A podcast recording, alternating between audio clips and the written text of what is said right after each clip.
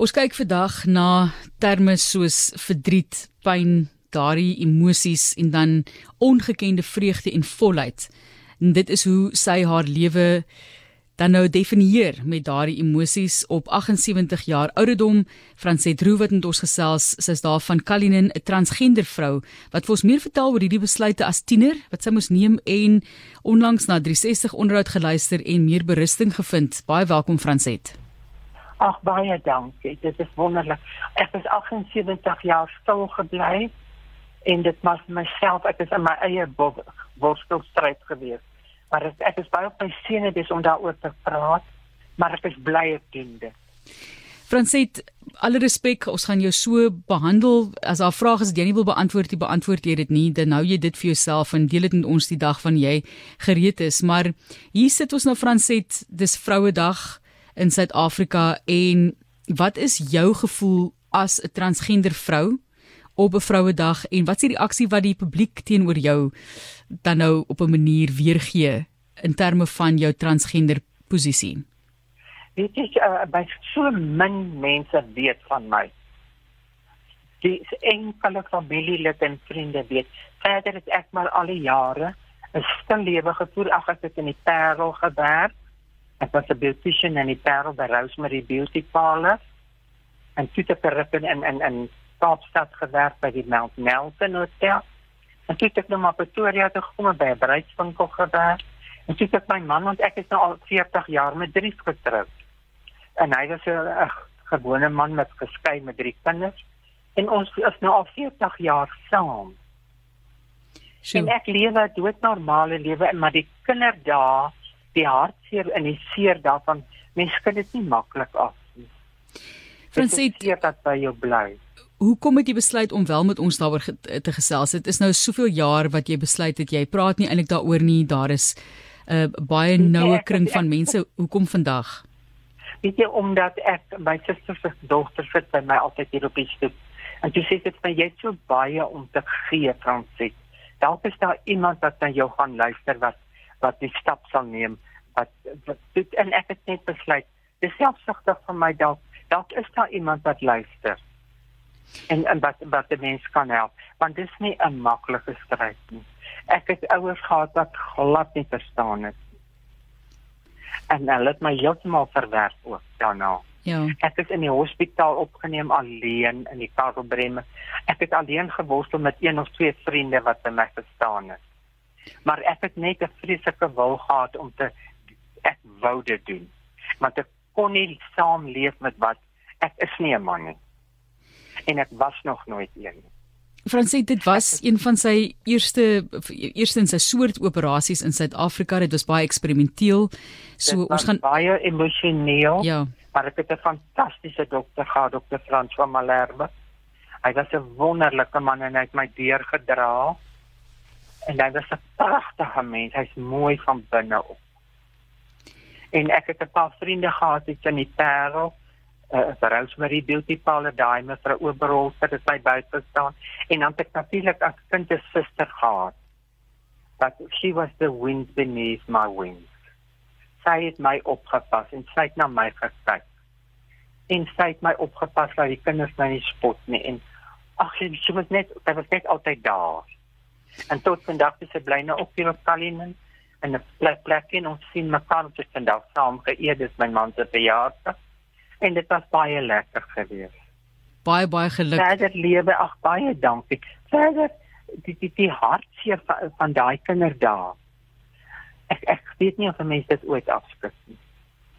Die verwerking daarvan vat vat natuurlik ook baie baie tyd en soos jy sê nog steeds nie afgeskit nie. Ons weet daar is kinders wat ook vra vra of jong mense wat vra vra ouer mense selfs daar's mense wat op verskillende tye in hulle lewe hierdie erkenning aan hulle self moet gee van hoe hulle voel van die ongemak wat hulle dalk voel in hulle liggaam. Wat was dit vir jou? Wat was die gevoel vir jou? Weet jy ek was as kind by paas altyd die so dinge vertel. Hy het ons altyd kersfees tyd 'n winkel toe gevat vir soos hulle gesê het window shopping dan sê nou maar kyk waar na kyk ons wat vir ons vir Kersfees het. Maar ek kon nog nie behoorlik praat nie sê. Ek was nog op sy arm. En hy het by 'n sekere skoenwinkel het hulle verbygeloop. En mamma was vreeslik lief vir mooi skoene en daar het 'n paar rooi hoë skoene in die venster gestaan en ek het 'n pak staaf gekry want ek wou daai skoene hê. Ek vind jy wat nog nie kom praat. Ek kon nie sê hoe hak hakke nie. Ek het gesê ek wil daai hakke hê. En ek het gehuil tot by die huis oor daai hakke. So ek weet nie dit was van ek by verstand het as ek 'n dogtertjie maar vasgevang in hierdie liggaam wat jy nie in wees nie. En en ek glo nie iemand kan hom indink in die hartseer die verlange, die smart wat jy deurmaak nie. En 'n mens wat daai tyd uh uh ek het sulke goed verstaan nie. My ouers het dit nie verstaan nie. Ek nêrens simpatie En daar kan jy simpatie kry. Maar daai tyd was daar nie. Geweldige eensaamheid wat jy ook Jammer Franset, maak eers klaar. Ek sê jy was alleen in jou verdriet en daar was jy was net alleen. Ja. Jy moes maar daar deurkom. En ek weet ek was nog net 'n kind, ek was 16 jaar oud toe my eerste operasie gedoen is en my ouers was nie daar nie.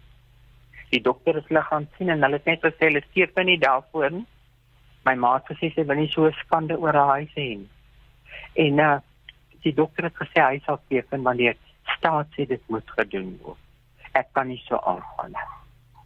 Die eensaamheid is een van die aspekte wat jy ook uitlig in jou ervaring Franset. Hoe het jy dit verwerk? Ek weet jy praat van jou suster wat vir jou so groot steunpilaar ook was oor die jare, maar tog is daar hierdie geweldige eensaamheid. Hoe het jy dit verwerk? Ek, ek weet nie, ek kan jou nie antwoord nie. Ek weet nie hoe dit daardeur gekom het.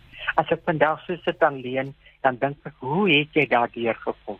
Ek meen ek was ek was soos 'n drenkeling ek ek het niemand om aan vas te hou nie maar tog is seker maar God wat jou bewaar want ek het nooit lelike dade gedoen nie ek het nooit lelike dinge gedoen nie ek het 'n skoon lewe gelei en ek lewe tot vandag nou nog 'n skoon lewe en ek kan net vir iemand sê wat maak seker as dit die dinge wat jy wil hê en druk deur. Moenie kosbare tyd verspeel nie. Want elke dag is kosbaar in 'n mens se lewe dis daardie moed wat Franset Roo inpraat in eintlik enige iemand. Ek dink daai is toepas van toepassing op almal van ons. 78 jarige transgender vrou, sy is tans in Kalinin en is nou al, jy het gesê 40, 44 jaar getroud met jou man. 44 jaar. Lank, lank saam. Baie gelukkige goeie man. Ek is baie lief vir porselein en hy help my porselein versamel en ek bly in hierdie ou huis in Kalinin en dit is pragtig. Hoe het hy dit jammer hoe het hy dit verwerk? Ek gaan eendag net nog vertel vir ons van daai porseleinversameling, pragtige werk wat jy ja, versamel oor die jare. Ja, hy's 'n wonderlike mens. Hy het hy het nog nooit vir my vrae gevra oor nie. Maar hoe het hy dit verwerk toe hy nou vir jou die eerste keer ontmoet en dit kom toe nou na vore? Hy was baie verlief op my van die eerste dag. Hy het gesê dis Elizabeth Taylor en hy wil my hê.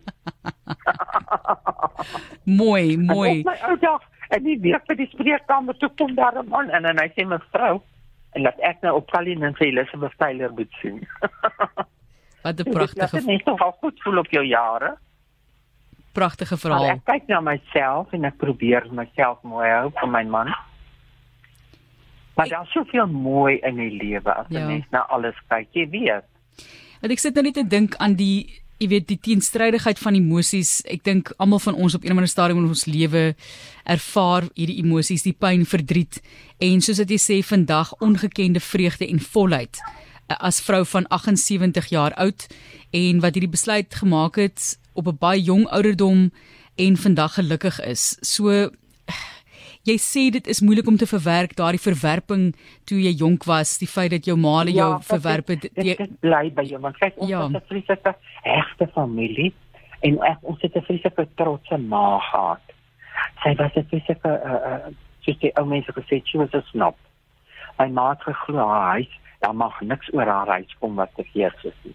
En ek was toe nou hierdie kind wat nou nie so, jy weet, dis uh, dit was seker nie vir haar lekker nie maar ek het, ek het my net nie daarin gesteer nie. Ek het my make-upies aangesit en my hare gekies en ek was mooi vir myself. En soveel moeilikheid ja. En ek het nie Kaap en Melville in 'n Luciehuis gebly in Tamboerskloof en vir 3 jaar het ek 'n kluisenaars lewe gelei in daai kamer steek het hare gedoen as ek saans by die huis kom en sluit ek die deur dan trek ek my nou mooi aan doen my gesig en dan dit was my lewe daai klein werklike lewetjie net. Môre dan gaan jy maar weer en dan trakteer jy maar weer die dag tot jy vanaand daar kom. Franset, ek het al reeds dit, soveel dink ek vir mense wat dalk deur dieselfde proses gaan wenke gekry van deurdruk en aanhou en om jouself op 'n op 'n op 'n manier gelukkig te hou. Wat sal jou raad wees vir die vroue van Suid-Afrika vandag en 'n persoon wat dalk dieselfde voel as jy? Ek kan net sê blye vrou, kyk na jouself, maak jouself mooi. Ons is tog gemaak om mooi te lyk, né? En wees sterk in wat jy in glo. En as dit as iemand vandag luister en hulle het hierdie probleem en hulle wil dit hê druk deur want dit is die moeite. Die grootste geskenk in hierdie lewe bly to be what you want to be. Ek het hier 'n boodskap gekry van anoniem Franset en dit sê as Franset die dame is wat by haar suster se blommewinkel gewerk het, so lyk om te hoor dit gaan goed met jou. Al die lekker resepte en idees en idees wat jy so graag gedeel het. Ek maak nou nog die kersies geweek in sherry en dan 'n sjokolade in sjokolade gedoop. Is dit jy daai? Ja. Waar agter? Ja. Sjoe. Ja. Nou, ek het baie mense wat lief is vir my, soos ek sê. Ek het maar maar soos ek sê, ek is 'n baie privaat mens in my huis, jy weet. En ek hou daarvan om te onthaal en mooi te dek en lekker kosies te maak en jou te bederf. Dit is mos maar deel van ja. hoe wees om mense te bederf. Fransit, hoe voel dit vir jou vandag om daardie storie wat jy met jare saamloop met 'n klein kringetjie mense rondom jou met Suid-Afrika vandag op RSG te deel? Omdat dit jy is. Ek ek kyk altyd jou jou programme. Hoor nou en nie, en en jy's vir my 'n pragtige mens en ek sou dit nie met iemand anders gedeel het nie. Sjoe Franset, jy gaan my hartseer maak die kant hoor. Ehm um, ons sê baie ja, dankie nee, dat jy wel sê ek het vir Maritjie ook gesê ek ek het met niemand anderster as met jou nie. Voel voel baie baie geëerd Franset regtig. Ek voel jy's altyd 'n pragtige mens en jy moet ook bly altyd so mooi soos jy is. Jong ons probeer um, van binne en buite, maar dit dit gaan maar moeilik hoe ouer ons raak, maar uh, Franset Ja, maar ag, dit is lekker en, en as 'n mens weet daar is mense wat vir jou omgee. Ja, dis die ding. Ehm um, daai suster wat jou ondersteun. Ons gesprek is nou baie, maar ek sien nou daarvan hou om by jou te sit en in jou oë te kyk. Laat ons jy weet die, die oë is mos maar die siel inderdaad tweede keer wat ons vandag so praat van die oë vroeër oor hoe om dit te skets in 'n uh, skildery maar Franset ek wens jy was hier ek wens jy was hier in die ateljee of ek daar by jou aan huis in Kalinin om te kom gesels om vir jou dankie te sê vir die moed wat jy vir mense inpraat nie net vir mense wat hierdie selfe uh, situasie gaan as jy nie daar so baie inspirasie wat 'n mens vandag kon kry van deurdruk en aanhou en sterk staan in dit wat jy in jouself glo en ons sê vir jou baie dankie vir die inspirasie vandag en dankie dat jy met ons dit gedeel het. Ons, ons voel so bevoorreg want ja, ek dink dit is 'n platform om ander bietjie te help. Baie dankie. Groot voorreg. En Maria Olofse sê vir haar ook sommer baie baie dankie. Maar Franset kyk mooi na jouself en ek hoop dit gaan goed en geniet jou week verder met jou geliefde man. En ons ek sê vir jou baie dankie. En vir almal wat die ou probleem het, dis nie te groot om te oorkom nie. Sjoe. As jy vasbyt en jy glo, dit kan gebeur. En dit is die Ek kan daai geluk kry. Dit is die stem van Franset Roo. Jene, ek het ek traan in my oë op die oomblik hier so 78 jaar oud. Op 16 het sy die prosedures begin deurgaan op 'n 16-jarige vrou en 'n dokter gehad wat regtig omgegee het en vaar met hierdie pad gehelp het van 3 jarige ouderdom al geweet sake is nie reg nie. Kyk, ons weet hierdie is 'n omstrede kwessie vir baie mense en ons het onlangs met Dr. Amri Craig Mulder juis hieroor gesels en eh, in terme van seksualiteit, sy is 'n seksioloog. Jy kan gaan kyk na daardie gesprekke of luister daarna. Dit is op ons webblad beskikbaar en sy sê net altyd met kennis en inligting kom empatie. En dit is wat ons probeer na vore bring empatie. En dit is dis die minste wat ons voor kan vra. En ons sê baie dankie aan Franset Roo wat baie dapper na vore kom en haar storie met ons deel. Weer eens op 'n ouderdom van 78 om hand in die lug te sit en te sê ek deel my storie. Alipa daarvan Kalinin sê ons vir baie baie dankie vir die feit dat sy haar gesprek met ons gedeel het in 'n baie baie moeilike pad wat sy oor die jare geloop het